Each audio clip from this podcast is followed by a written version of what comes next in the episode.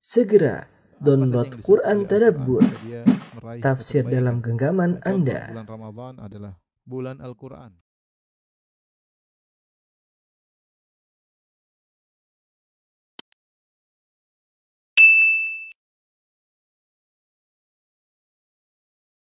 Bismillahirrahmanirrahim. Assalamualaikum warahmatullahi wabarakatuh. Alhamdulillahi ala ihsani wa syukru lahu ala taufiqihi wa amtinani wa asyhadu an la ilaha illallah wahdahu la syarika lahu ta'ziman li sya'ni wa asyhadu anna Muhammadan abduhu wa rasuluhu da'ila ridwani. Allahumma shalli alaihi wa ala alihi wa ashabihi wa ikhwani. Para hadirin hadirat jamaah Masjid Al-Ukhuwah BSD yang dirahmati oleh Allah Subhanahu wa taala. Kita melanjutkan pembahasan kita dari kitab Al-Kabair karya Al-Imam Al-Zahabi Asy-Syafi'i rahimahullahu taala. Kita sampai pada Al-Kabirah At-Tasi'ah wal Arba'un. Eh, dosa besar yang ke-49. 49. Al-Khuruj bis-Saif wa Takfir bil Kabair. Yaitu dosa 49 memberontak pada penguasa dengan anak pedang dan eh, mengkafirkan orang lain karena hanya sekedar terjerumus dalam dosa besar. Eh, jadi dosa besar al-khuruj bisayf mengangkat senjata keluar memberontak terhadap pemerintah yang sah wa takfir wa takfir bil kabair dan mengkafirkan orang lain karena sekedar terjerumus dalam dosa besar. Dan inilah ciri khusus dari khawarij eh, mengumpulkan dua dua sifat ini ya. Itu yang dilakukan oleh orang-orang khawarij di zaman sahabat, di zaman sahabat mereka tidak sedang mengkafirkan tapi mereka juga aksi, action dengan memberontak, membunuh, memberontak dan itulah ciri utama orang-orang uh, al-khawarij. Jadi mengkafirkan secara sembarangan merupakan dosa besar. Ini dibawakan dalil-dalilnya oleh Al-Imam Az-Zahabi rahimahullahu taala. Di antaranya qala Allah taala Allah berfirman wala ta'tadu innallaha la yuhibbul mu'tadin dan janganlah kalian melampaui batas sungguhnya Allah tidak menyukai orang-orang yang uh, melampaui batas. Ini uh, ayat umum larangan untuk melampaui batas dan di antara bentuk melampaui batas yang paling parah adalah menuduh orang kafir apalagi kemudian membunuhnya tanpa landasan yang kuat ya. Karena kita tahu bahwasanya uh, asal seorang kalau sudah mengucapkan syahadatain asyhadu alla ilaha illallah wa rasulullah berarti dia seorang muslim. Dia sudah masuk Islam dengan yakin. Buktinya apa? Dia sudah mengucapkan syahadatain. Dan tidak boleh kita mengeluarkan seorang dari Islam kecuali dengan dalil yang yakin pula. Kalau dalilnya masih ragu-ragu, katanya masih ada kemungkinan, maka tidak boleh. Karena kita punya kaidah agung dalam kaidah fikih al-yaqin la yazulu bisyak bahwasanya keyakinan tidak bisa dihilangkan dengan keraguan. Dan hukum asal seorang kalau sudah mengucapkan asyhadu alla ilaha illallah, asyhadu anna muhammadar rasulullah maka dia seorang muslim. Tidak boleh kita keluarkan dia dari hukum asal ini, yakin dia sudah Islam. Tidak boleh kita keluarkan dengan hanya sekedar keraguan. Makanya ketika Nabi SAW berbicara tentang penguasa yang zalim, akan datang penguasa yang kemudian akan merampas harta kalian, membunuh kalian. Ya, maka para saat berkata, yang penguasa tersebut mendoakan keburukan bagi kalian dan kalian pun mendoakan keburukan bagi penguasa tersebut. Pada saat bertanya, "Afala nunabidhum bisayf?" Ya Rasulullah, apakah kita angkat senjata memerangi mereka? Kata Rasulullah sallam, "La, tidak boleh. Illa an tarau fihim kufran bawahan." Kecuali engkau melihat pada mereka ada kekafiran yang nyata. Bukan sekedar kekafiran, kekafiran yang nyata. Kata para ulama, yaitu kekafiran yang mereka lakukan, tidak ada khilaf di kalangan para ulama, itu kekufuran. Artinya penguasa itu benar-benar melakukan kekufuran yang tidak ada khilaf di antara kaum muslimin bahwasanya itu adalah apa? Kekafiran. Seperti mungkin dia injak Al-Qur'an. Mungkin dia pindah agama jelas atau dia maki-maki Rasulullah sallallahu alaihi wasallam. Bukan pengkafiran dengan kelaziman. kalau begini melazimkan begini, ya, itu tidak tidak boleh. Karena hukum asal seorang muslim, dia seorang muslim tidak boleh mengeluarkan diri dari hukum asal kecuali dengan yakin pula. Nah, ketika ada sikap-sikap mengeluarkan seorang dari Islam kepada kekufuran dengan persangkaan, dengan dalil yang tidak tegas, ini ternyata merupakan dosa besar.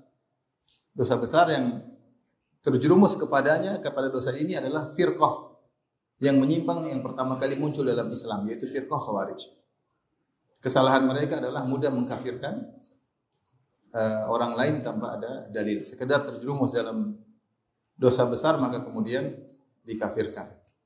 Makanya orang-orang khawarij juga dikenal dengan al-muhakkimah karena mereka mengkafirkan orang-orang yang ridho terhadap keputusan al-hakamain. Jadi ketika terjadi perselisihan antara uh, kubu Muawiyah radhiyallahu anhu dengan kubu Ali bin Abi Thalib radhiyallahu taala anhu terjadi perang besar. Kemudian akhirnya berujung pada usaha untuk berdamai. Sampai Al-Qur'an diangkat di, di dalam peperangan sehingga mereka kita berhukum dengan Al-Qur'an. Sampai akhirnya mereka mengirim utusan. Ali bin Abi Thalib mengirim utusan yaitu Abu Musa al-Asy'ari radhiyallahu anhu. Kemudian Muawiyah radhiyallahu anhu mengirim uh, Amr bin As radhiyallahu taala anhu. Ya, diharapkan dua utusan ini berdiskusi merundingkan perselisihan terjadi di antara mereka. Rupanya orang-orang Khawarij tidak setuju. Mereka mengatakan la hukma illa lillah. Tidak ada hukum kecuali hukum Allah. Ini hukmu illa lillah. Tidak ada hukum kecuali hukum Allah. Kami tidak terima hukum dua orang ini. Makanya dikatakan perkataan mereka ini kalimatu haq urida biha batil. Perkataan yang benar tapi tujuannya ternyata kebatilan. Tujuannya adalah untuk mengkafirkan kaum kaum muslimin. Sehingga orang-orang Khawarij pun mengkafirkan dua hakaman ini, Abu Musa al-Ashrin dan Al-Amr bin As radhiyallahu anhuma dan seluruh yang ridho dengan keputusan dua orang itu semuanya dikafirkan. Semuanya dikafirkan. Artinya mereka sangat mudah mengkafirkan. Mereka sangat mudah mengkafirkan uh, kaum muslimin.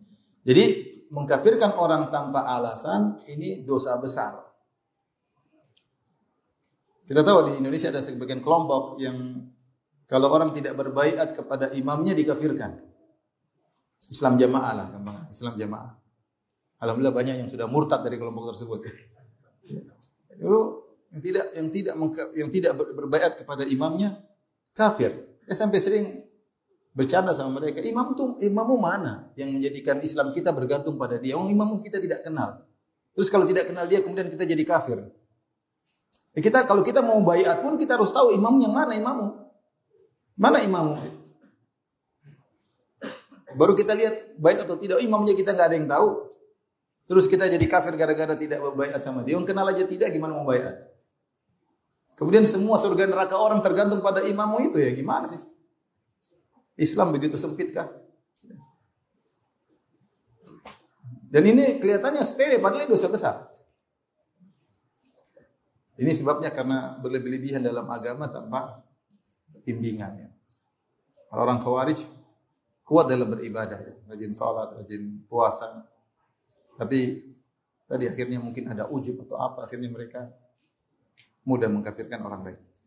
Tapi kata kita lanjutkan, jadi di antara bentuk pelanggaran yang paling berat adalah mengkafirkan sama muslim tanpa dalil apalagi sampai menumpahkan darahnya. Dan Allah berfirman wala ta'tadu Jangan melampaui batas. Innallaha la yuhibbul mu'tadin.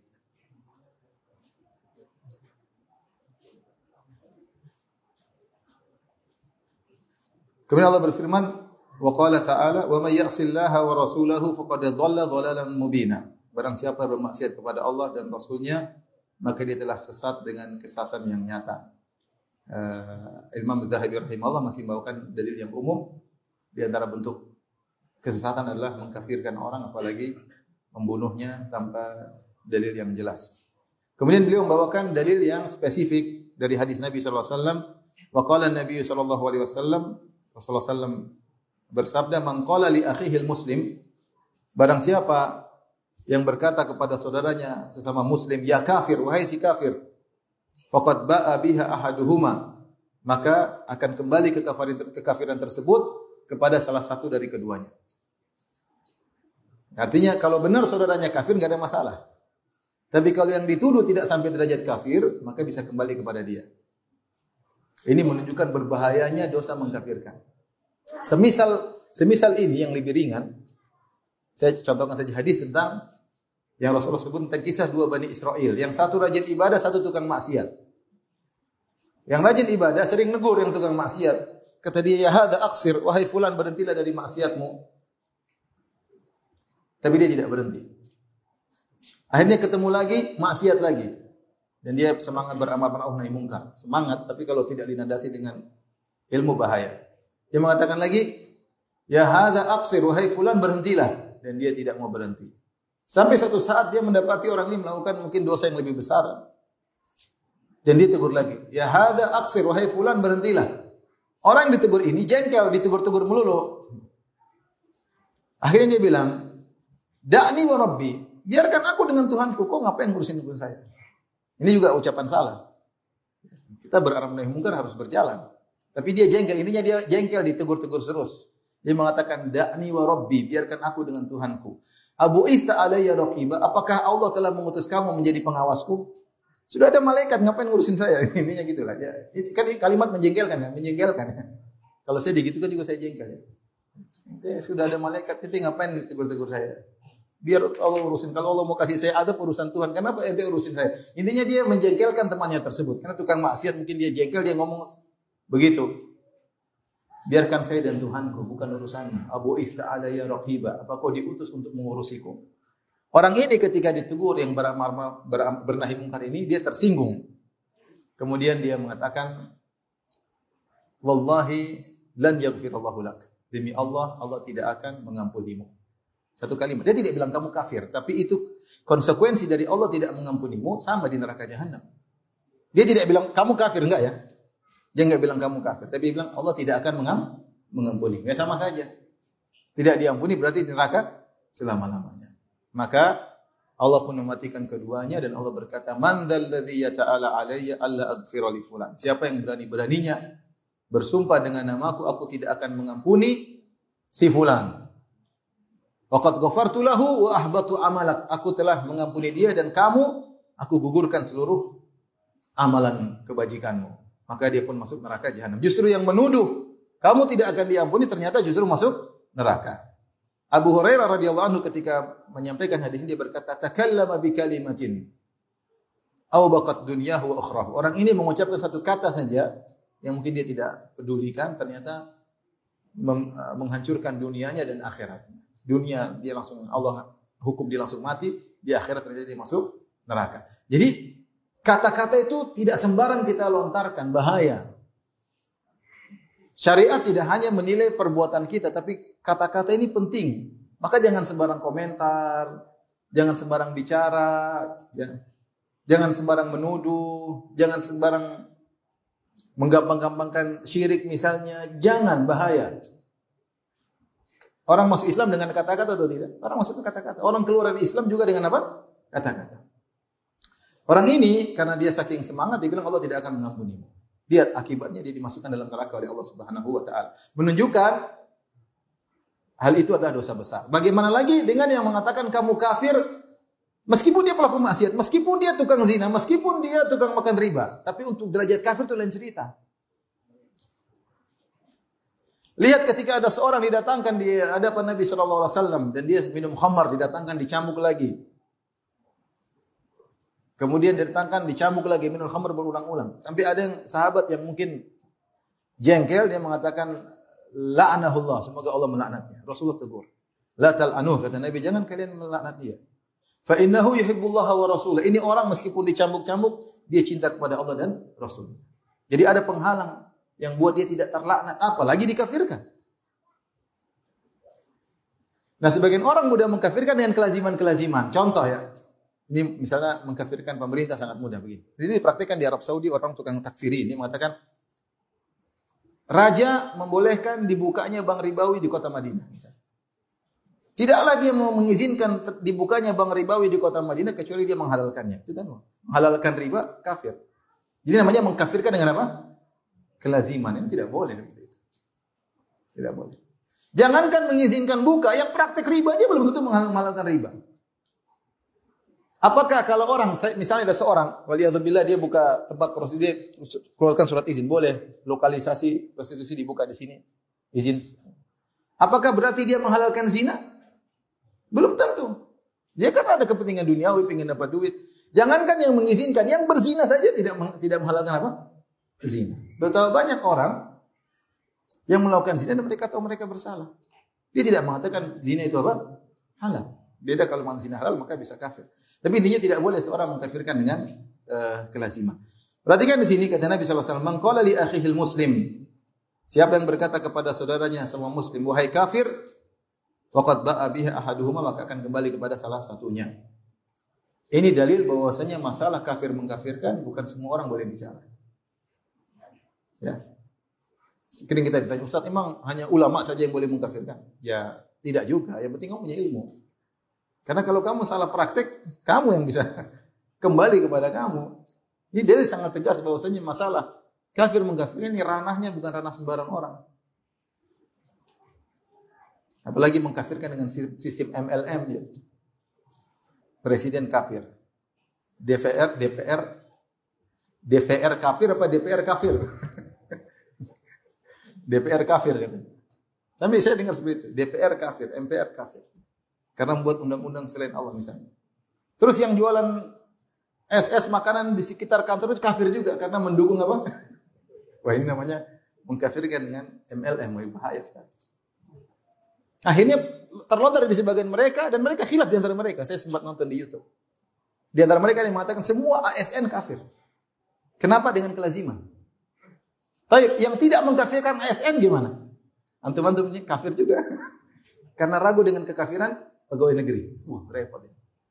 Dipikir itu perkara sepele, itu bukan perkara sepele, itu dosa besar. Antum lihat sejarah Imam Ahmad rahimahullah taala. Imam Ahmad disiksa Sampai tiga khalifah menyiksanya, memaksa dia untuk mengatakan Al-Quran itu makhluk. Dia nggak mau. Perkataan Al-Quran itu makhluk, ijma ulama itu kekufuran. Tapi tidak semua orang yang mengucapkan Al-Quran itu makhluk kemudian menjadi apa? Kafir. Nah kalau kita lihat misalnya dari Khalifah Al-Ma'mun, kemudian Khalifah Al-Mu'tasim, kemudian Al-Wathiq. Semuanya memaksa Imam Ahmad untuk mengucapkan Al-Quran itu makhluk. Buktinya apa? Imam Ahmad tidak mau maka dicambuk, disiksa, ya. sampai daging lepas dari badannya. Ya. Sampai disebutkan ketika disiksa sampai celananya mau lepas. Sampai dia kemudian melihat ke langit, dia berdoa kepada Allah agar celananya tidak lepas karena auranya akan terlihat. Dan kemudian celananya terikat lagi. Sampai setelah dia disiksa, dia yang tanya, wahai imam, kenapa waktu kau disiksa, kami melihat engkau melihat ke atas. Saya sedang berdoa kepada Allah supaya aurat tidak terlihat. Tapi intinya apakah Imam Ahmad mengkafirkan mereka? Tidak. Imam Ahmad tidak mengkafirkan Al-Ma'mun, Mu'tasim billah, Al-Wathiq tidak dikafirkan. Padahal mereka mengucapkan kekafiran dan mereka memaksa orang untuk mengucapkan kekafiran tapi tidak ada kekafiran dengan kelaziman. Kenapa mereka ada syubhat? Makanya Ibn Taimiyah rahimahullah dalam banyak bukunya mengatakan syarat mengkafirkan di antaranya iqamatul hujjah wa izalatu syubah. Seorang yang mau mengkafirkan dia harus bisa menjelaskan dengan detail dan dia harus pandai menghilangkan syubhat. Itu pun Imam Ibnu Taimiyah rahimahullah taala hampir tidak dikenal pernah mengkafirkan orang. Kecuali dia berbicara tentang uh, Ibnu Arabi yang mengatakan Allah bersatu dengan makhluk, yang mengatakan Firaun masuk surga, ya itu dikafirkan oleh Ibnu Taimiyah. Tapi yang selainnya Ibnu Taimiyah tidak pernah mengkafirkan, padahal dia berdiskusi sama saya, berdiskusi sama kelompok-kelompok yang menyimpang, dia berdiskusi dengan orang-orang yang meminta kepada mayat, tapi dia tidak mengkafirkan. Dia jelaskan ini syirik, ini syirik, ini syirik. Namun menjelaskan ini suatu kesyirikan tidak melazimkan orang yang melakukannya terjerumus dalam apa? Menjadi kafir. Jadi saya perlu ingat ini karena muncul kelompok-kelompok yang mudah mengkafirkan seperti tadi Islam jamaah. Saya pernah dapat fatwa juga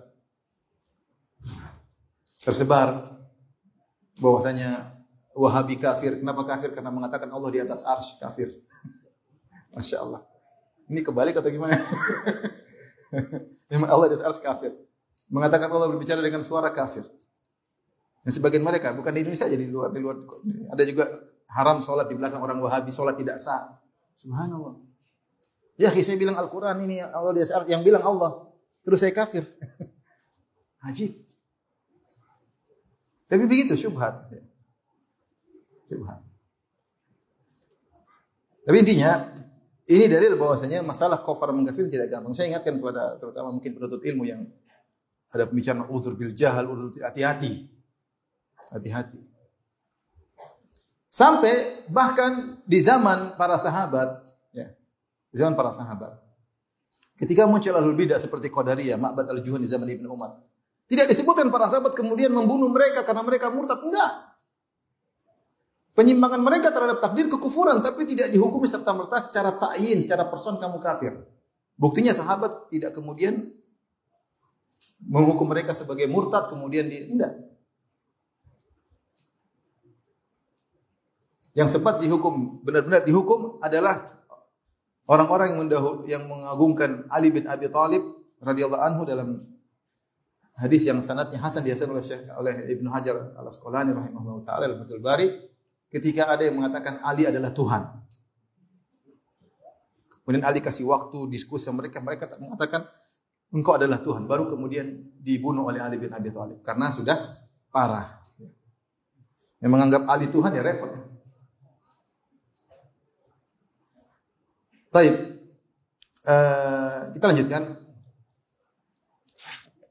Waqat warada fi sifatil khawarij atharun katsira. Dan telah datang Eh, hadis-hadis yang banyak tentang sifat-sifat khawarij. Wa ikhtalafa nasu fi takfirihim. Dan orang-orang khilaf tentang apakah khawarij ini kafir atau tidak. Karena dosa yang mereka lakukan sangat parah, yaitu mudah mengkafirkan kaum muslimin. Mudah mengkafirkan kaum kaum muslimin. Ya. Yang dikafirkan bukan orang sembarang, dikafirkan Ali bin Abi Thalib. Yang dijamin Nabi masuk surga dikafirkan sama mereka. Kemudian mereka action dengan membunuh kaum muslimin. Nah, mereka ini kafir atau tidak? Khilaf di kalangan para ulama, kata Al-Imam Zahabi. Lianna Nabi sallallahu alaihi wasallam qala fihim. Kenapa sampai timbul khilaf? Karena ada hadis yang zahirnya mereka kafir. Kata Nabi wasallam, "Yamruquna minad dini kama yamruqus sahmu minar ramiyah. Aina lakitumuhum faqtuluhum."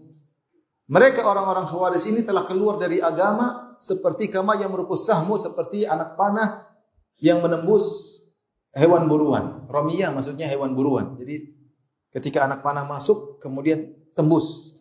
Tembus dan tidak ada yang tersisa dari darah atau daging hewan tersebut. Artinya dia keluar benar-benar dari Islam.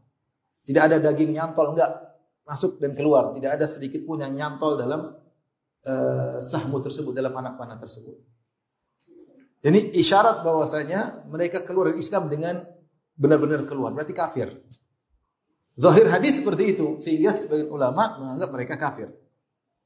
Sebenarnya mengatakan tidak, kita ini menunjukkan bahayanya mereka, parahnya kesalahan mereka, tapi mereka tidak sampai pada derajat kekufuran, ya. Karena hadis-hadis yang lain dan juga karena sikap para para sahabat. Kemudian juga di antara dalil yang menunjukkan bahwasanya mereka sangat parah dosanya Kata Nabi SAW, Aina malakitumuhum faktuluhum. Kapan saja kalian ketemu dengan mereka, bunuh mereka. Nabi juga berkata, Syarru qatla tahta adimis sama khairu qatla man qataluhum. Hum, orang khawarij adalah syarru qatla tahta adimis sama. Itu yang paling parah terbunuh di kolong langit adalah orang-orang khawarij. Yang paling parah, yang paling buruk terbunuh di bawah kolong langit adalah orang khawarij. Dan orang yang paling terbaik yang dibunuh oleh mereka. Orang yang terbaik adalah dibunuh oleh oleh mereka. Namun Al-Imam Az-Zahabi rahimahullah uh, merajikan bahwasanya mereka tidak kafir. Kata Al-Imam Az-Zahabi rahimahullah taala, "Fal khawarij mubtadi'atun." Orang-orang khawarij adalah ahlul bid'ah. Mustahilluna ad-dima' wa takfir. Mereka menghalalkan darah kaum muslimin dan mereka mudah mengkafirkan kaum muslimin. Yukaffiruna Uthman wa Aliyan. Mereka mengkafirkan Uthman dan Ali. Wa jama'atan min sadatis sahabah dan mereka mengkafirkan sekelompok sahabat yang mulia. Radiyallahu taala anhum.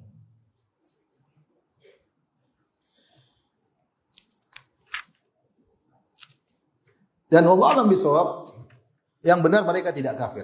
Adapun dalil yang menunjukkan bahwasanya orang khawarij meskipun mereka parah namun mereka tidak kafir adalah sikap Ali bin Abi Thalib terhadap mereka.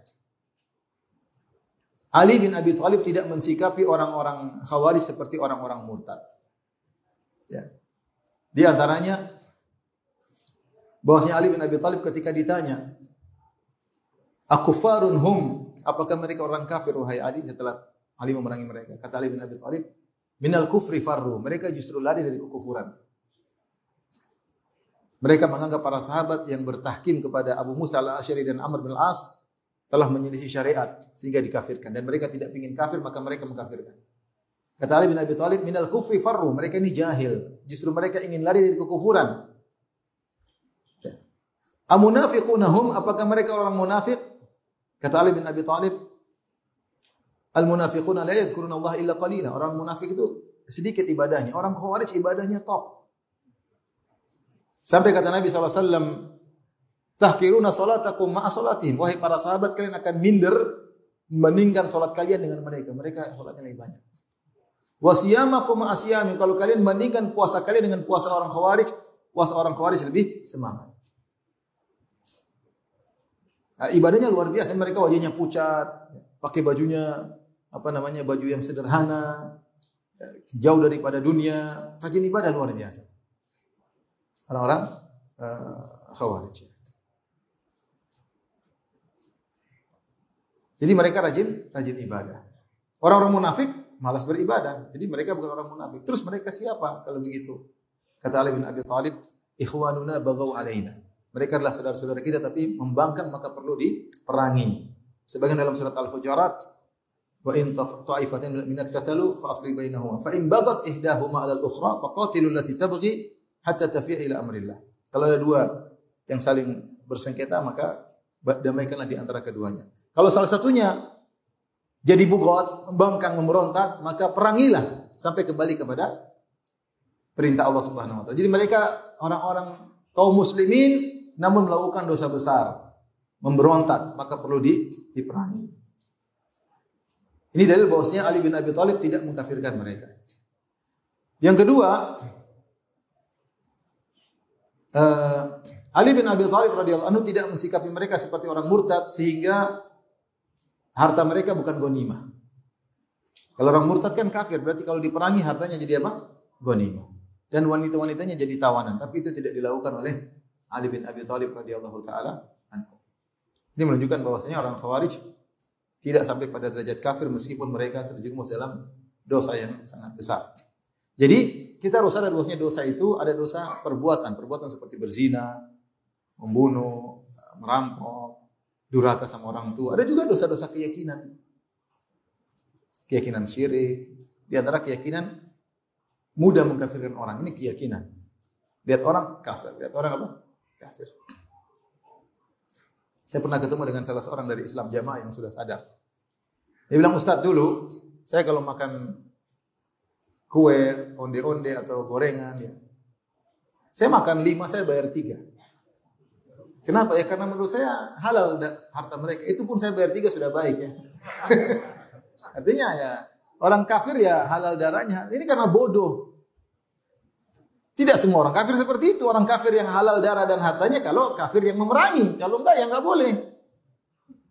Bodoh jadi bodoh di atas kebodohan. Seperti itu. Tapi alhamdulillah dia sudah sudah murtad dari mana? Islam jemaah.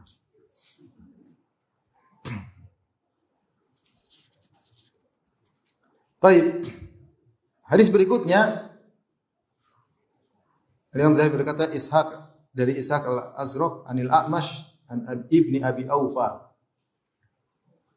Dari Ibn Abi Aufa radhiyallahu anhu qala sami'tu Rasulullah sallallahu alaihi wasallam aku mendengar Rasulullah sallallahu bersabda al khawariju kilabun nar al khawarij adalah anjing-anjing neraka. Subhanallah mereka ini rajin ibadah. Tapi tidak dibangun di atas manhaj yang benar. Rajin sholat, rajin puasa, rajin baca Quran. Kata Nabi SAW, Yaqra'una al-Quran la yujawizu taraqiyahum. Mereka baca Quran tapi Quran tersebut tidak masuk ke dalam hati mereka. Mereka orang Arab atau bukan? Orang Arab. Mereka ngerti bahasa Arab ngerti. Mereka baca Quran tapi nggak tahu tafsirnya. Tidak tahu apa? Tafsirnya. Dapat ayat inil hukmu illa lillah. Tidak ada hukum kecuali milik Allah, langsung mereka praktekkan. Sembarangan tanpa aturan, tanpa fikih. Mereka hidup di zaman para sahabat tapi mereka meninggalkan manhaj para sahabat. Dengan hanya bermodalkan dengan pandai bahasa Arab. Dan Rasulullah isyaratkan yang rukuna minad din uh, yaqrauna al-Qur'an la yujawizu taraqiyahum. Mereka baca Quran namun tidak meresap di hati karena mereka tidak paham apa maksud dari ayat-ayat yang mereka baca.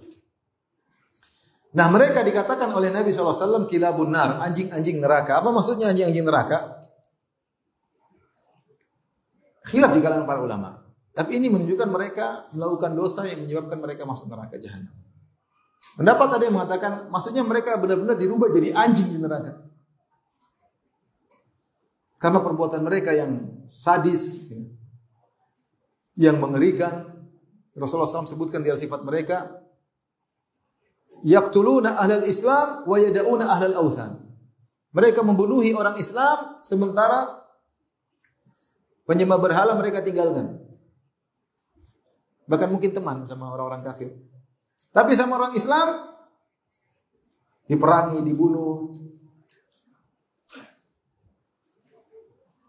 Sifat khawarij, mengerikan. Saya ulangi, sifat mereka. Yaqtuluna ahlal Islam, mereka memerangi, membunuh orang-orang Islam. Wa yada'una ahlal dan mereka membiarkan orang-orang kafir. Aneh ya. Ya kalau kamu tidak membunuh orang kafir, ya kenapa harus bunuh orang Islam?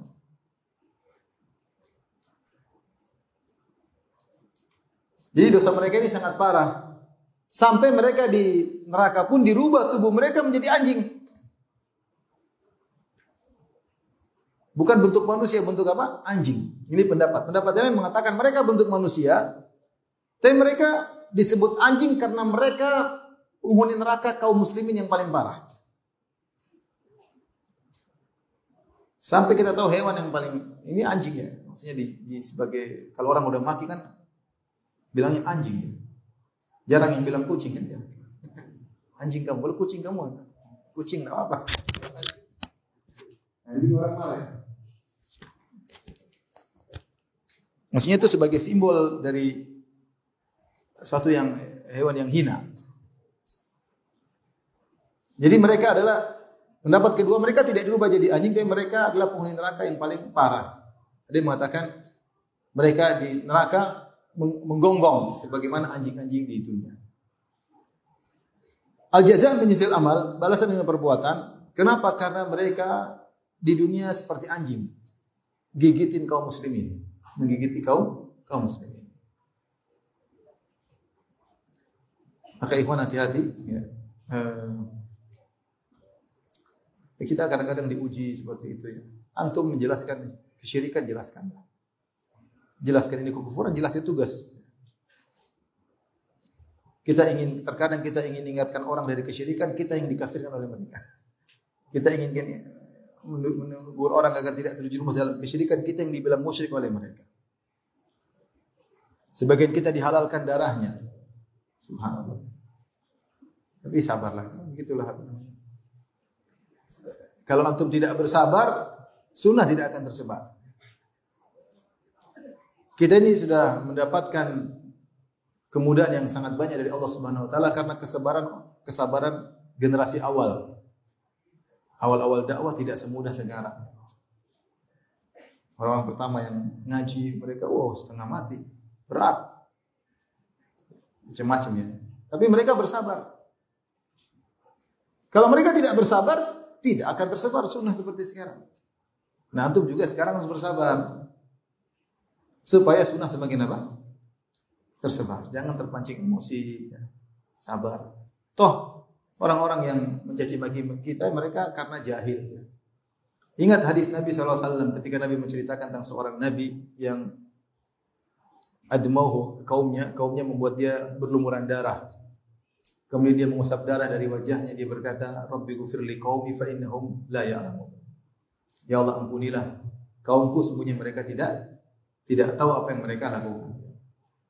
Sebagian kita pun demikian dulu jahil, musuhi. Kemudian setelah kita ngerti, kita sadar. Jadi sabar, jangan terpancing emosi. Toh mereka yang mungkin mengkafirkan atau menghalalkan darah atau menghalalkan harta kita atau melakukan yang macam-macam, mungkin mereka tidak ngerti, terprovokasi, gak ngerti. Jadi kita berusaha untuk bersabar. Tapi hadis berikutnya dari Hashraj bin Nubata haddatsani qala haddatsani Sa'id bin Jumhan qala dakhaltu ala ibni Abi Aufa wa huwa makfuf kata Sa'id bin Jumhan aku menemui ibnu Abi Aufa radhiyallahu anhu sahabat wa huwa makfufun dalam dalam kondisi buta. Faqala man anta? Siapa engkau? Qultu Sa'id bin Jumhan Aku adalah Sa'id bin Jumhan. Qala ma fa'ala waliduka? Bagaimana kondisi ayahmu? Qultu qatalahul azariqah. Dia telah dibunuh oleh al-azariqah. Itu khawarij, salah satu firqah khawarij. Khawarij berfirqah-firqah. Di antaranya firqah azariqah. Kalau tidak salah, pengikut Nafi' bin Azraq. Faqala maka sahabat ini Ibnu Abi Aufa berkata, "Qatal qatalallahu al-azariqah." Semoga Allah membinasakan Khawarij azariqah. Qala haddatsana Rasulullah sallallahu alaihi wasallam annahum kilabun nar. Sungguhnya Rasulullah SAW telah menyampaikan kepada kami, sungguhnya mereka Khawarij adalah anjing-anjing neraka. Kultu kata Sa'id bin Jumhan, al-azariqah wahdahum, apakah cuma Khawarij firqah azariqah saja yang anjing-anjing neraka? Qala kata dia, enggak, al-khawarij kulluha. Semua firqah Khawarij adalah anjing-anjing apa? Neraka. Kenapa anjing-anjing neraka? Karena mereka mengkafirkan kaum muslimin. Mereka menggerogoti kaum muslimin dari dari dalam. Ya. Ini bahaya takfir ini masih ada terus di mana-mana. Dengan berbagai macam kelompoknya. Makanya sebenarnya mengatakan kalau kita mau mengatakan di antara khawarij adalah syiah. Syiah juga khawarij. Sebagian mereka mengkafirkan selain mereka dan aksi membunuhi di sebagian negara tentunya bukan di sini. Mereka mengkafirkan. Jadi terkumpul pada dia dua sifat utama khawarij. Mengkafirkan dan aksi menumpahkan darah. Aksi ini terkumpulkan kalau ada ada orang sifatnya seperti ini seorang Islam sungguhnya dia khawarij. Apa pun firqah apa pun kelompoknya. Ciri pertama mudah mengkafirkan. Yang kedua aksi membunuhi. Di antaranya takfiriyun yang kemudian ngebom sana ngebom sini ngebom masjid bom di masjid, berjihad di mana? Dengan ngebom masjid. Subhanallah. Mentogut-togutkan polisi, tentara, kafir semuanya. Saya kapan sholat di masjid, kemudian di pertama ada tentara pakai baju lengkap, kemudian Waduh, ini ada togut sholat di belakang saya. Kalau, kalau bahasa mereka berarti togut sholat di belakang. Kok ada togut bisa sholat ya? Togut tapi sholat. Assalamualaikum, Assalamualaikum, saya zikir selesai. Ustaz, oh togut ngaji juga ternyata. Jadi masa ini togut seperti ini? Sholat, dia juga puasa, dia juga sholat. Ya, ente tahu nanti togutkan dia, nanti kafir, nanti bunuh dia, istrinya jadi janda atau tidak? Anak-anak jadi yatim enggak? Jadi kapan ciri utama khawarij dua? Mudah mengkafirkan dan aksi membunuh. Apakah dia mau pakai label baju ahlu sunnah? Kalau dia punya sifat seperti itu, khawarij. Apakah dia bajunya baju syiah? Kalau punya sifat gitu, khawarij. Apakah dia menamakan dirinya torikot? Kalau punya sifat seperti itu, mengkafirkan kaum muslimin, aksi menghalalkan darah dan hartanya, khawarij. Dosa besar. Anjing-anjing neraka kata Nabi Wasallam. Waspada. Waspada. Hukum asal kaum muslimin adalah apa? Orang Islam. Mengucapkan la asyhadu alla ilaha illallah wa asyhadu anna muhammadan rasulullah. Tidak boleh kita keluarkan dari Islam kecuali dengan sesuatu yang yakin. Ini itu bukan pekerjaan antum ngapain. Lebih baik antum dakwah, ada orang kafir kita masukkan ke Islam. Kalau ada orang Islam bersalah kita nasihati supaya kokoh imannya. Kemudian Zahabi menyampaikan hadis qala dari Hamad bin Salamah qala hadatsana Abu Hafs annahu sami'a Abdullah bin Abi Aufa wa hum yuqatilunul khawarij. Kata Abu Hafs aku mendengar Abdullah bin Abi Aufa radhiyallahu anhu sementara para sahabat sedang memerangi orang-orang Khawarij. Yaqul Rasulullah SAW eh, kata Abdullah bin Abi Aufa, "Sami'tu Rasulullah SAW yaqul, aku mendengar Rasulullah SAW bersabda, Tuba liman qatalahum wa qataluhu. Sungguh beruntung orang yang memerangi mereka ya dan orang yang dibunuh oleh mereka. Yang membunuh membunuh Khawarij pahalanya besar. Demikian juga yang terbunuh oleh orang-orang Khawarij juga dosa pahalanya yang membunuh orang Khawarij pahalanya besar. Yang terbunuh oleh orang Khawarij juga pahalanya pahalanya besar. Taib ini adalah dosa besar yang ke 49. Jadi ikhwan intinya hati-hati ya. Uh, bedakan antara takfir mutlak dengan takfir muayyan. Takfir mutlak itu kita mengatakan siapa melakukan ini syirik, hukum inilah hukum syirik, menyembelih kepada selain Allah syirik, meminta kepada mayat syirik, uh, mengatakan Al-Quran itu makhluk adalah kekufuran, seperti itu, ya. Tapi tidak semua orang yang terjerumus otomatis menjadi musyrik atau kafir. Tidak semua serta merta. Karena untuk mentakyin, memfonis secara person ada syarat-syaratnya. Di antaranya iqamatul hujjah, menegakkan hujjah, bisa menjelaskan ini adalah kesyirikan. Yang kedua, izalatul syubhat, menghilangkan syubhat dari uh, kepalanya. Baru seorang boleh memfonisnya syirik atau musyrik atau bukan. Itu pun kalau memang diperlukan. Taib al-kabira al-khamsun, dosa besar yang kelima puluh. Adhiyatul muslimin wa syatmuhum, mengganggu kaum muslimin dan mencaci maki mereka.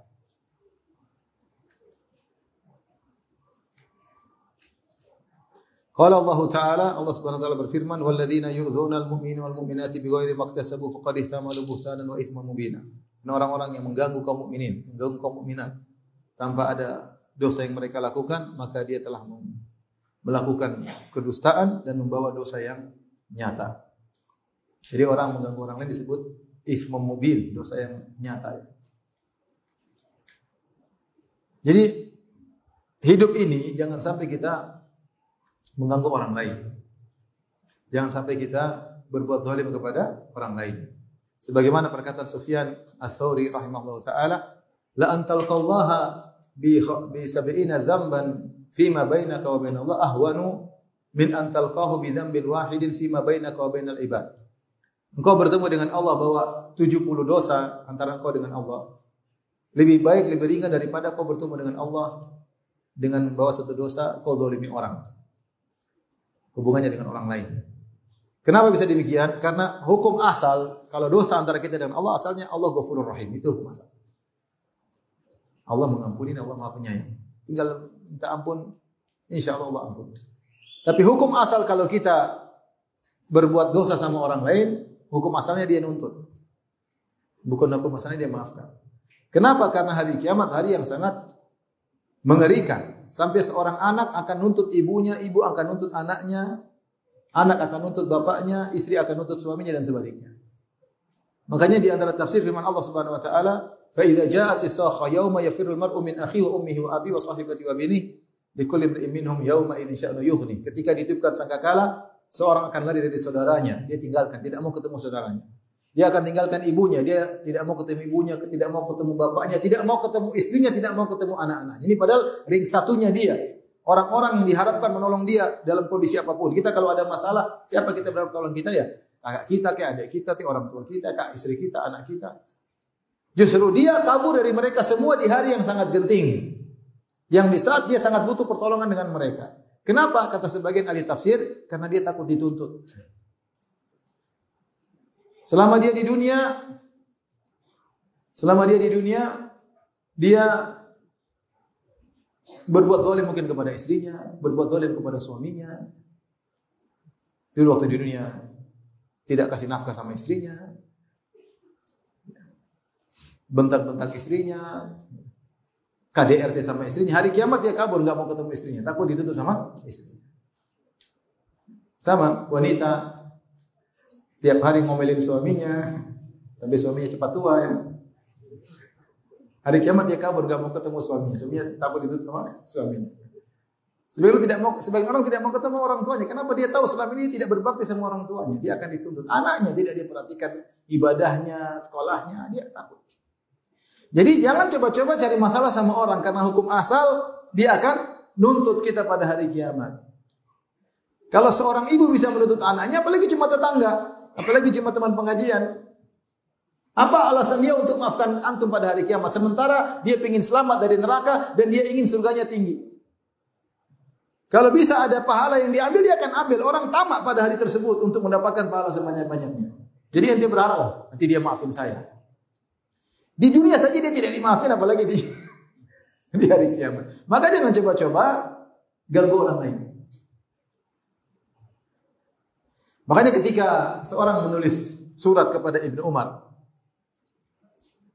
kata dia, ya Ibnu Umar, ajarkan kepadaku al-ilma kullahu. Ajarkan aku seluruh ilmu. Kata Ibnu Umar, al ilmu kafir. Ilmu tuh banyak, mau diajarin semua nggak bisa. Tapi intisarinya. Lakin ini stata'ata. Antal Allah. Tapi kalau kau mampu untuk bertemu dengan Allah Subhanahu wa taala, ya. Khamisal batan, ya perut dalam kondisi kosong. Khafifal dhahar, punggung dalam kondisi ringan.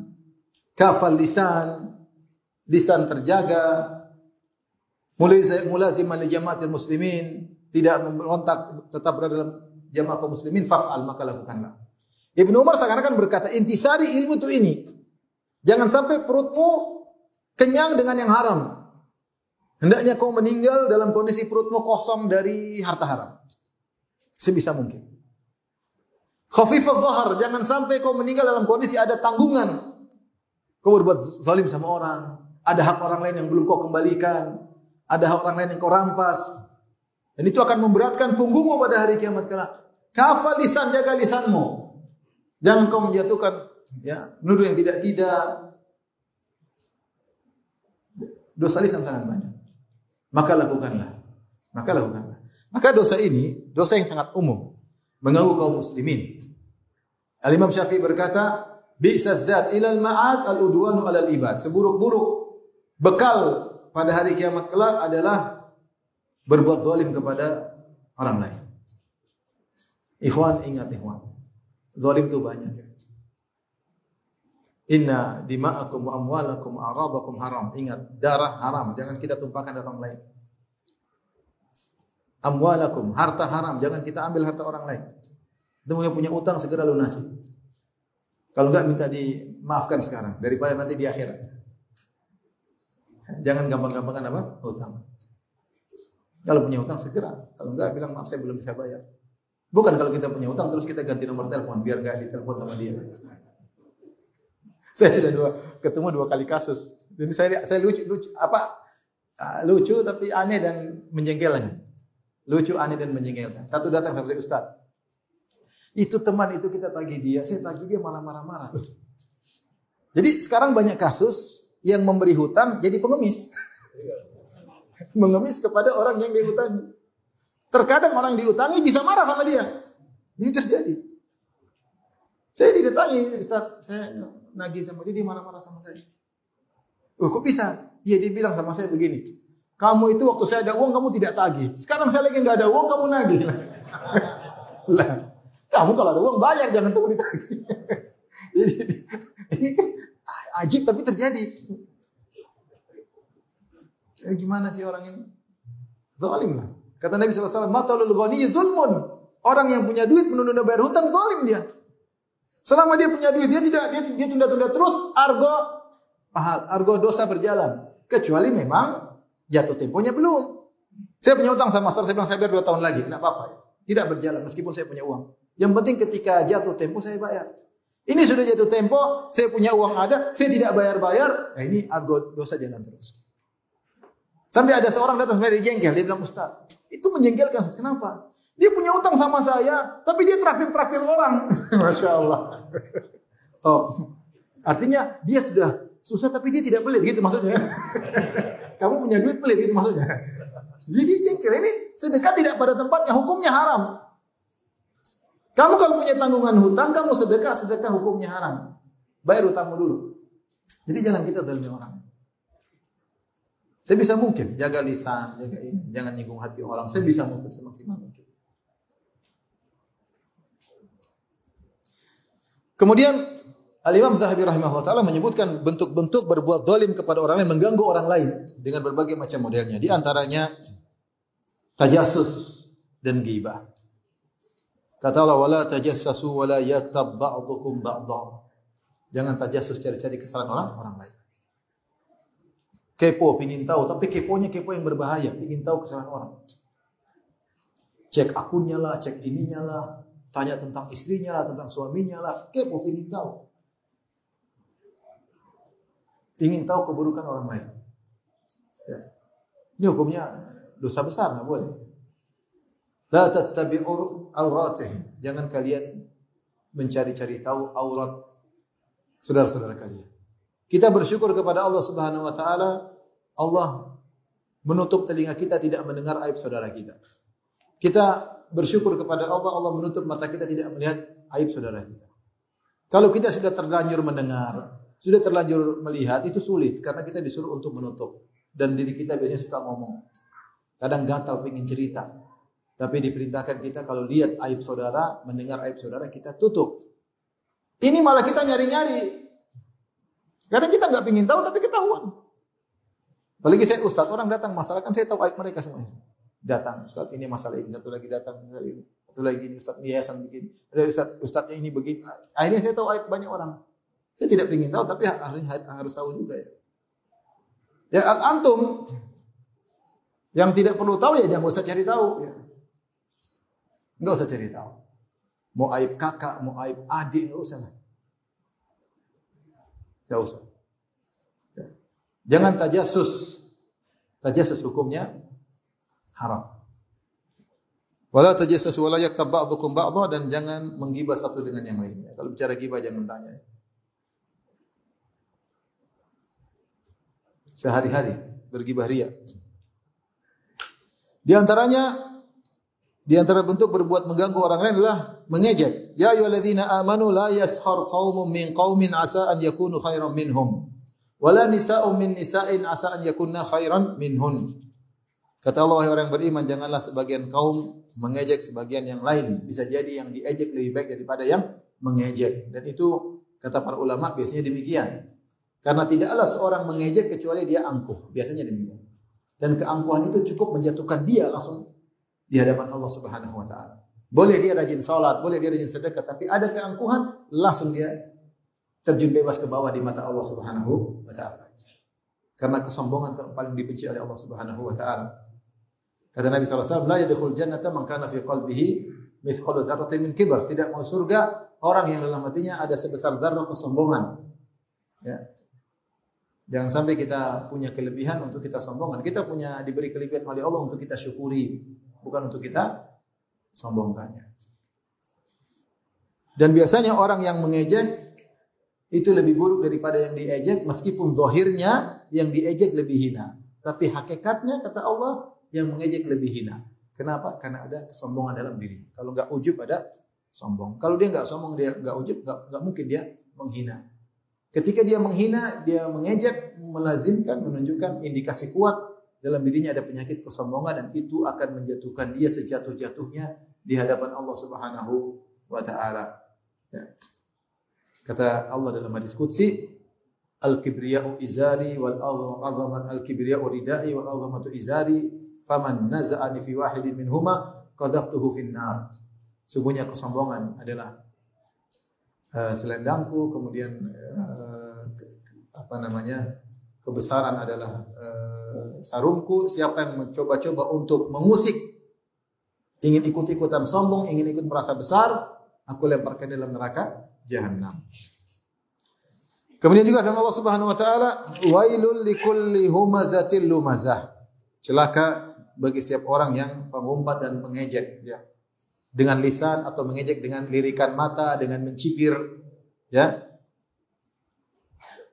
Celaka bagi orang-orang yang uh, tukang pencibir dan tukang uh, mengumpat ya. Dalam Al-Quran, dua surat yang dibuka dengan wail, celaka. Semuanya terkait dengan hak orang lain. Yang pertama terkait dengan harta orang lain, kata Allah, wailul lil mutaffifin. Celaka bagi orang-orang yang mengurangi takaran timbangan. Tatfif adalah dikurangi takar dengan ukuran sedikit. Misalnya misalnya jual beras harusnya 100 kilo ternyata 99 kilo. Sedikit aja dia kurang. Kalau kurangi 5 kilo ketahuan, dia kurangi sedikit. Namanya tatfif sedikit. Dia jual misalnya minyak 10 liter dikasih 9,8 9,9 0,01 liter tidak tidak tidak ketahuan. 0,1 liter tidak ketahuan kalau di dengan dengan volume yang banyak. Itu namanya tatfif. Itu pun celaka. Ini karena dia mengambil hak orang lain. Surat ini surat yang pertama yang Allah buka dengan wailun celaka berkaitan dengan hak orang lain. Mengganggu orang lain dengan mengambil hartanya. Demikian juga mengganggu orang lain dengan mengejeknya. Wailun likulli humazatil lumazah. Celaka bagi setiap orang yang pencibir dan pengumpat. Hati-hati kita bisa celaka gara-gara lisan kita yang tidak bisa kita jaga. Mencibir, apa namanya? Ya begitulah. Hati-hati. Dalam hadis lagi berikutnya kata Imam Zahabi, wa qala Nabi sallallahu alaihi wasallam inna syarran nasi manzilatan indallahi man wada'ahu nas itiqa'a fuhsyih. Orang yang paling buruk kedudukannya di sisi Allah pada hari kiamat adalah orang yang ditinggalkan masyarakat gara-gara takut dengan kekejiannya. Fuhsh biasanya diletak, di, dikatakan dengan lisan. Jadi orang tidak senang sama dia, tidak ada yang mau bergaul sama dia, tidak ada yang mau satu grup dengan dia gara-gara dia nggak bisa jaga lisan. Menjengkelkan orang. Kalau ngomong nyelekit. Tidak mengenakan. Selalu menusuk kalau ngomong. Lisannya tajam, lisannya pedis. Ya. Ada orang menilai seperti sehingga orang tidak ada nyaman sama dia. Kalau ada dia, orang tidak mau, orang merasa sengsara ya. Sebentar lagi dicibirin sama dia. Sebentar lagi disindir sama dia. Tukang nyindir, setiap ketemu nyindir. Kayak nggak ada bahan yang lain nyindir. Itu karena angkuh, sombong. Makanya dia nyindir. Setiap orang nyindir, nyindir, nyindir, nyindir. Kalau dia tidak ada orang bahagia. Bahagia.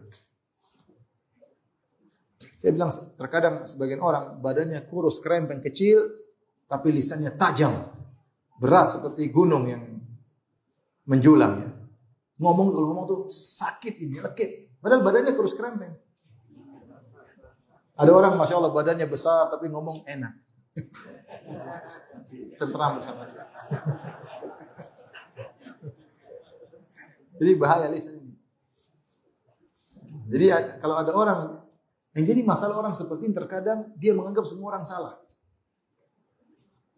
Dia merasa dia yang benar, semuanya salah. Orang semua parah, tidak bisa dinasihati. Dia yang tidak bisa dinasihati. Saya ketemu ketemu orang saya bilang, ini saat ada gini nih.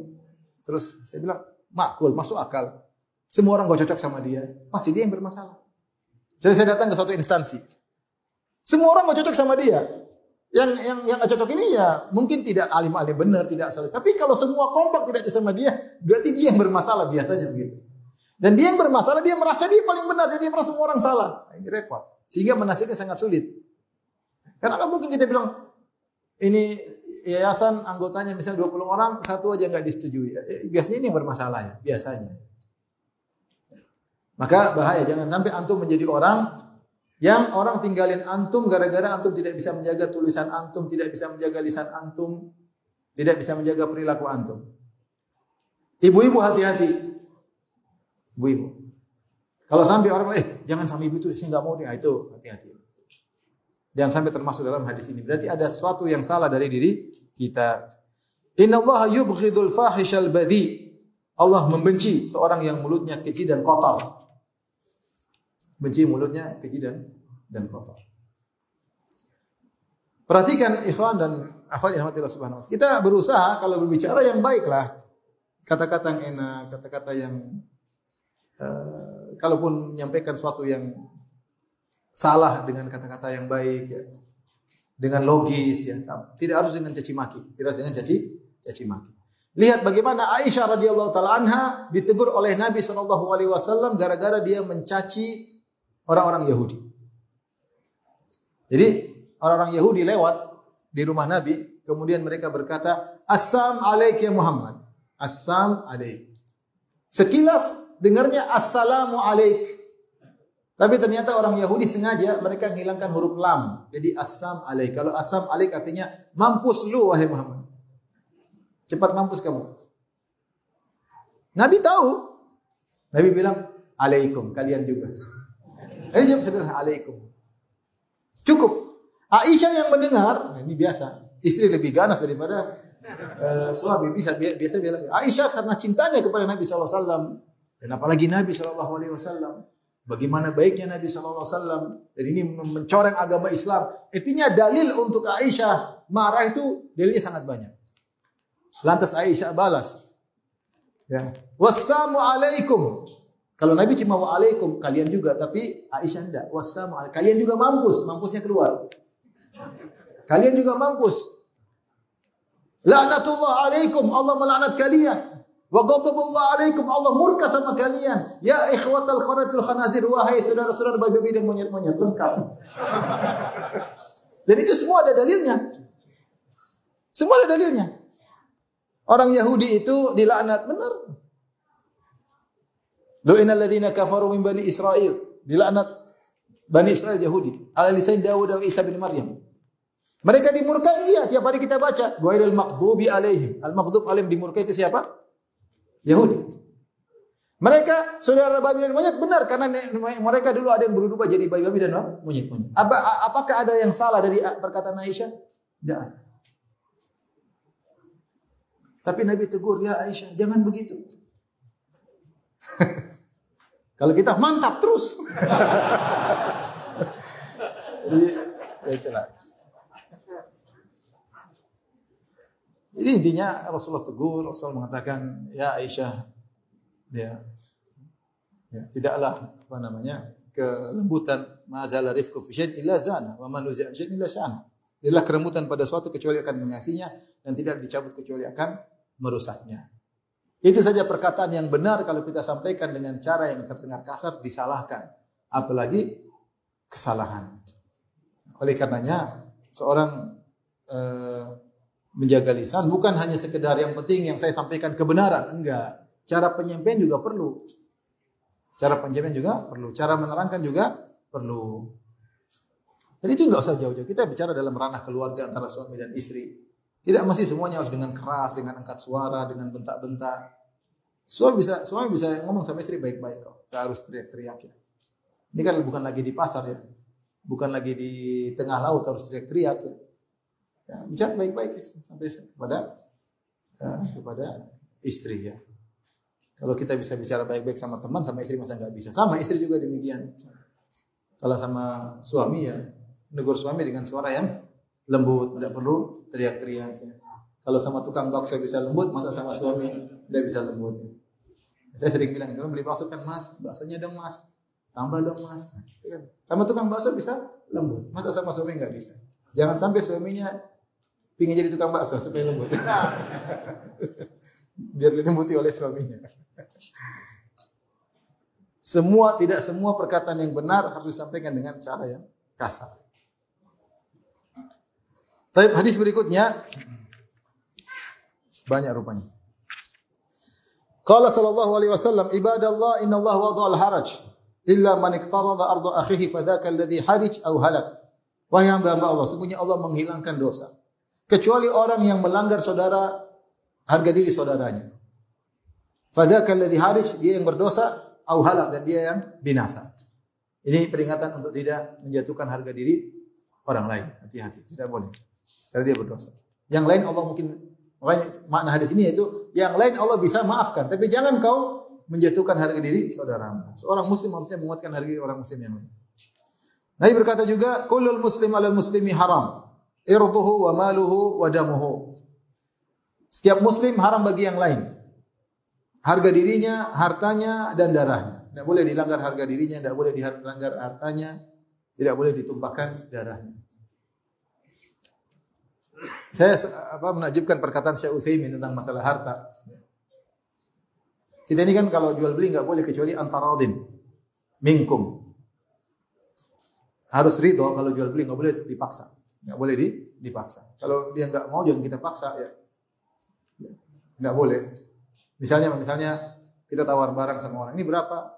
Seratus ribu. Terus kita tawar tiga puluh ribu ya, ribu. Enggak lah. 95, enggak, 30 ribu ya.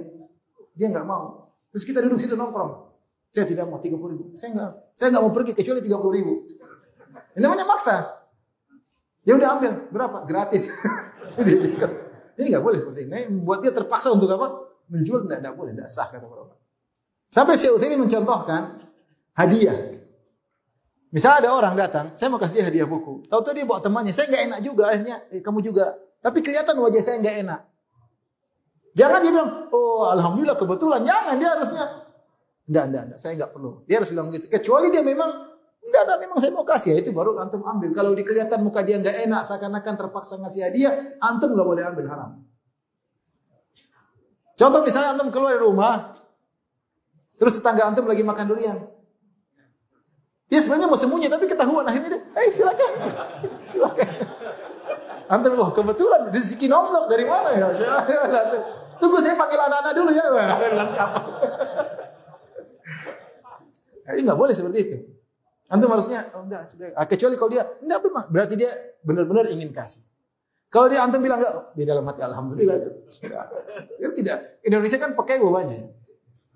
Jadi kita nggak boleh memanfaatkan pekeunya untuk mengambil hartanya. Saya pernah ini cerita. Teman datang tempat saya. Ya. Bukan orang Indonesia, yang curiga sama Ustadz lagi. Intinya teman datang sama saya. Saya punya majemuk fatwa 28 jilid. Cetakan apa apa namanya? mahal waktu itu. Dia kata Firanda saya minta ini. Saya bilang nggak ada yang lain kan minta yang lain. 28 jilid. Kalau satu jilid Firanda, aduh saya bilang, aduh. Saya juga mau baca. Enggak ini. Uh. Terus lama. Ya udah ambil deh. Berat hati. Waktu saya belum tahu hukumnya. Kalau saya tahu hukumnya saya bilang haram nggak boleh. Pada rumah ya. ya bagaimana ya? Saya kasih tapi saya terpaksa. Tapi alhamdulillah kemudian diganti dengan yang lain. Dapat lagi majum fatwa gratisan. Tapi intinya ini seperti ini nggak boleh. Artinya kita jangan mengambil sampai para ulama menyebutkan kamu jangan melanggar hak orang. Misalnya kamu ke masjid, kamu pakai sendal orang. Kamu bawa datang pakai sepatu, pengen wudhu, nggak mau sepatu antum kena air, tapi sendal orang nggak apa-apa. Pakai sendal orang kemudian wudhu. Nanti orang keluar sendal saya kok basah. Enak nggak sendal kita basah? Kita nggak suka sendal kita kulit, sendal kita kering-keringan dipakai orang untuk wudhu kemudian. Kecuali sendalnya ditulis DKM, ya itu nggak apa-apa. Memang siap untuk diinjak-injak BKM. Tapi kalau sudah sendalnya orang atau apa ini minjem juga, minjem harus minta izin nggak? Nah, berarti yang itu menggunakan hak orang, harta orang tanpa izin nggak boleh. Ya mudah-mudahan dia ampuni ya. Hari akhirnya kita nggak tahu. Pretel-pretel yang kecil-kecil pun dia akan nuntut. Jadi nggak boleh. Tidak boleh melanggar harga diri, harta dan darah orang. At-taqwa hahuna, takwa tempatnya di sini. Biasa mimri minasyari an akhul muslim. Cukup seorang dikatakan buruk tatkala dia merendahkan semua muslim. Antum jangan merendahkan orang. Apa pun kondisi dia merendahkan. Mungkin dia tidak sholat seperti antum, mungkin dia tidak ngaji seperti antum. Dia bilang ya. Saya diberi kelebihan, diberi nikmat oleh Allah bukan untuk merendahkan orang. Saya diberikan untuk mensyukuri Allah Subhanahu wa taala. Jangan itu sifat yang buruk. Kata Nabi cukup seorang dikatakan buruk an yahqaru akhahul muslim tatkala dia merendahkan muslim yang lain. Allah berfirman innal ladzina yuhibbuna an tasha'al fahishatu fil ladzina amanu lahum adzabun alimun fid dunya wal akhirah. Orang-orang yang suka tersebar kekejian di kalangan orang beriman bagi mereka adab yang pedih di dunia maupun di akhirat. Suka ganggu orang, suka menyakiti orang, suka orang susah, ini tidak diperbolehkan. Dan kita habiskan masih panjang ya. Kita singkat aja. Nabi SAW bersabda, Sibabul muslim fusukun wa kitaluhu kufrun. Mencaci maki muslim yang lain adalah kefasikan. Wa kitaluhu kufrun. Dan memeranginya adalah kekufuran. Ikhwan hati-hati kita hidup di zaman medsos. Nanti kalau sudah musim pemilu, hati-hati jaga lisan. Kita sudah bosan pada yang lalu kampret lah, cebong lah, kardun lah, apa? Kadrun, siapa lagi? Macam-macam. Yang ya sudahlah, enggak usah lah itu sama muslim. Jangan. Ya. Kemudian sekarang sebagian kampret dan kadrut apa? Kampret dan cebong jadi bersahabat kan? Alhamdulillah. Makanya jangan suka ngampret-ngampretin orang ya. Maksudnya, aduh gimana ya. Jangan mencaci maki orang ya. Tidak usah lah. Hanya mending kalau antum mencaci maki bela agama, bela dunia juga kan dengan perkara urusan dunia, urusan perut kemudian kampret dan cebong. Kata Nabi SAW, La yadkhulul jannata man la ya'man jaruhu bawa ikahu. Tidak masuk surga orang yang tetangganya tidak merasa aman dari gangguannya. Tidak masuk surga orang yang tetangganya tidak merasa aman dari gangguannya. Tidak bisa tidur gara-gara suara dari rumah sebelah. Terganggu karena bau sampah dari rumah sebelah. Terganggu karena sebelah nyiram bunga sampai airnya masuk ke perakarangan dia. Becek. Tidak merasa terganggu karena anak-anaknya kemudian ribut di rumah dia. Janganlah, jangan ganggu tetangga. Jangan ganggu tetangga. Mengganggu tetangga dosanya lebih besar daripada mengganggu orang jauh. Makanya dalam hadis disebutkan uh, mencuri satu tetangga lebih parah daripada mencuri 10 orang selain tetangga. Artinya dosa kepada tetangga berlipat-lipat di sisi Allah Subhanahu wa taala. Karena tetangga artinya kita baikin malah kita ganggu. Hari ini hari ini cek ada enggak tetangga merasa terganggu dengan saya? Ya. Ada pernah teman juga gitu dia dia, dia pakai mobil kemudian mobilnya solar. Kemudian dia mungkin sambil dalam mobil nikmati AC, solarnya jalan terus. Masuk ke rumah tetangga. Itu contoh mengganggu dia tidak sadar, tapi itu apa mengganggu. mengganggu.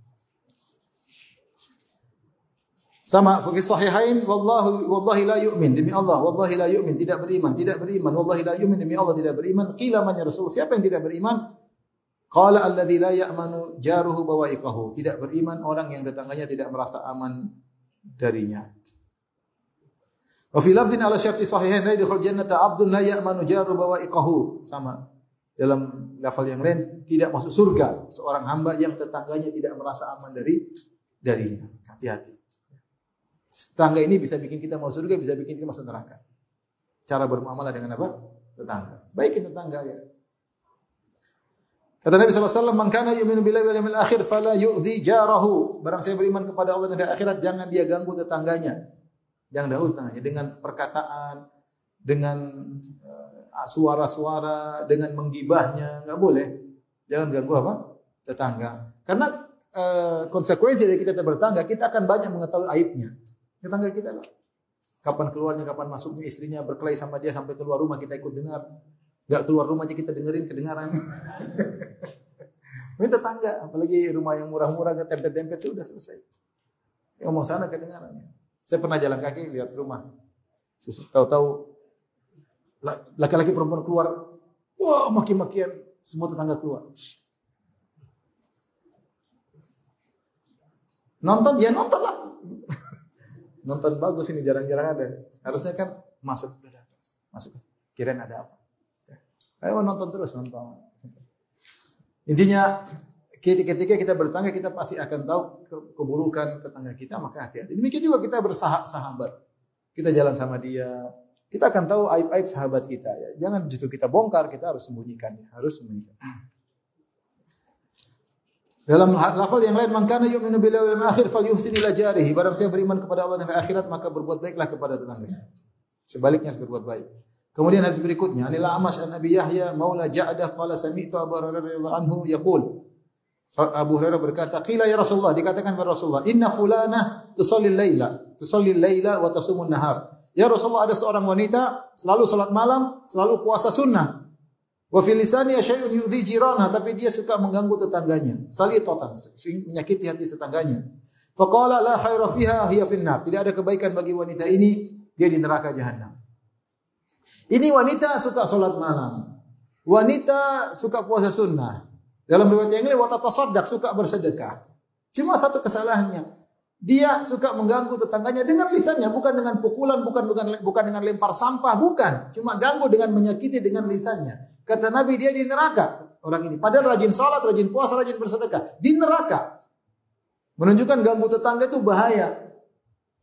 Apalagi jarang sholat, tidak pernah sholat malam, pelit, kemudian tidak pernah puasa sunnah, kemudian tetangganya dihabisi terus. Maka ibu-ibu hati-hati, sih ibu-ibu di antara ibu-ibu ya. Nanti ibu bertengkar, bapak-bapak jadi diajak, itu sering.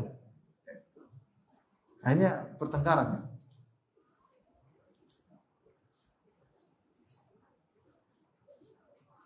Jadi ini sekedar isyarat saja. Hati-hati Ikhwan, kalau kita ini aja, kita mengganggu tetangga saja, sebab berbahaya. Apalagi kita ganggu orang dekat kita, istri kita atau suami kita, hati-hati. Makanya sebelah mengatakan di antara dosa mendolimi istri tidak seperti mendolimi suami. Dua-duanya zalim bahaya. Sebagian lelaki mendolimi istrinya. Kalau istri didolimi kan dia nggak bisa apa-apa. Dia mau ke mana? Kadang mau lari ke orang tua, orang tua sudah meninggal ya meminta cerai janda. Kalau sudah janda siapa yang mau nikahi? Masih banyak bunga bertebaran di sana. Sehingga di KDRT dia diam-diam saja. Mau diapain? Sehingga dia beda laki-laki, laki-laki mungkin bisa gampar, bisa apa ya. Intinya hati-hati kalau menyakiti orang jauh saja tetangga artinya itu berbahaya apalagi menyakiti orang yang dekat dengan kita hati-hati. Baik, Hadis wa qala sallallahu alaihi wasallam uzkuru mahasina mautakum wa kufu an masawihim. Sebutkanlah kebaikan-kebaikan orang-orang sudah meninggal dan berhentilah dari menyebut keburukan-keburukan mereka. Ya. Sudah dia sudah selesai, sudah ketemu dengan hasilnya, sudah bukan tugasmu lagi. Gak usah ingat-ingat keburukannya. Eh, jangan. Kalau ada kebaikan sebutkan. Kalau dia buruk sudah ada yang ngatur, ada malaikat mungkar dan nakir sudah, bukan urusanmu lagi. Artinya apa? Sampai, perhatikan sini, sampai jangankan orang yang masih hidup, yang sudah mati jangan kamu ganggu. Apalagi yang masih apa? Yang masih hidup. Wa Nabi Dzar radhiyallahu anhu annahu sami'a Nabi sallallahu alaihi wasallam yaqul. Dari Abu Dzar dia mendengar Rasulullah SAW bersabda, "Man da'a rajulan bil kufri aw qala aduwah wa laysa kadzalik illa raja alaihi." Siapa yang mengatakan kepada saudaranya, "Hai kafir" atau "Wahai musuh Allah" dan ternyata tidak benar, maka akan kembali kepadanya. Sama pembahasan yang sebelumnya. Dari Sofwan bin Amr an Rashid bin Sa'ad bin Jubair an Anas qala qala Rasulullah sallallahu alaihi wasallam lamma urija bi marartu bi qaumin lahum adfarun min nuhas. Kata Nabi sallallahu alaihi wasallam ketika aku di Mi'rajkan, Isra Mi'raj. Isra itu dari Masjidil Haram Masjid Aqsa. Mi'raj dari Masjid Aqsa ke Sidratul Muntaha. Ketika aku Mi'raj, aku melewati suatu kaum lahum adfarun min nuhas. Mereka memiliki kuku-kuku dari tembaga-tembaga yakhmishuna wujuhum sudarahum dan mereka mencakar-cakar wajah dan dada-dada mereka. Qultu man haula ya Jibril? Siapa mereka ini ya Jibril? Qala alladziina ya'kuluna luhuman nas wa yaqauna fi a'radhim. Mereka adalah orang-orang yang makan bangkai saudara mereka, itu yang tukang gibah, wa yaqauna fi a'radhim dan menjatuhkan harga diri saudara mereka. Ini menunjukkan gibah dosa, dosa besar. Dan ingat bahwasanya dosa bukan terkait dengan harta saja. Ya. Sebagian orang menganggap dosa itu kita ngambil harta orang, mukul orang, kita mengambil harga dirinya juga ada dosa. Wa qala Nabi sallallahu alaihi wasallam inna minal kabair syatmar rajuli walidayhi. Di antara dosa besar adalah seorang mencaci maki kedua orang tuanya. Qalu ya Rasulullah, wa hal yastumu rajulu walidayhi? Apakah mungkin ya Rasulullah seorang mencaci maki kedua orang tuanya? Qala na'am, mungkin kata Nabi, yasubu abar rajulu rajuli fayasubu abahu. Dia mencaci bapak temannya, temannya mencaci bapak dia. Kembali. Berarti dia mencaci bapak dia. Wa yasubbu ummahu fa yasubbu ummahu. Dia mencaci ibu temannya, maka temannya mencaci ibunya. Ini juga hati-hati. Dan Rasulullah menghukumi dia mencaci kedua orang tuanya sendiri. Wa fi lafdhin inna min akbaril kaba'ir an yal'ana rajulu walidayhi. Di antara dosa besar yang paling besar adalah seorang melaknat kedua orang tuanya. Kila ya Rasulullah, fa kaifa yal'anu rajulu walidayhi? Bagaimana seorang bisa mencela kedua orang tua? Ini zaman Nabi. Gak masuk akal ada seorang melaknat kedua orang tuanya. Gak masuk akal ada orang mencaci kedua orang tuanya. Di zaman Nabi gak masuk akal. Kalau sekarang sangat masuk akal. Makanya sahabat tanya, apa mungkin ya Rasulullah? Rasulullah mungkin. Caranya gimana? Dia mencaci maki orang tua temannya, temannya balas caci maki orang tuanya. Kalau sekarang orang tuanya diajak berkelahi ada.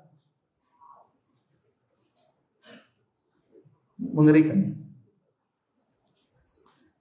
Wa yasubu abar rajuli fa yasubu abahu. Dia mencaci maki bapak temannya, temannya mencaci maki bapaknya. Fa yasubu ummahu fa yasubu ummahu. Wa yasubu ummahu dia mencaci maki ibu temannya, maka temannya mencaci maki ibunya.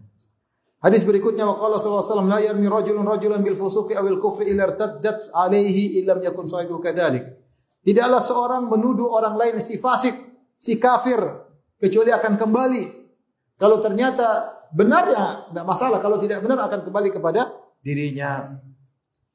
Hadis yang terakhir pembahasan kita kali ini Rasulullah SAW bersabda la tasubbul amwat jangan kalian mencaci maki mayat fa innahum qad afdau ila maqaddamu mereka telah menemukan amal mereka yang mereka lakukan selama ini. Sudah selesai.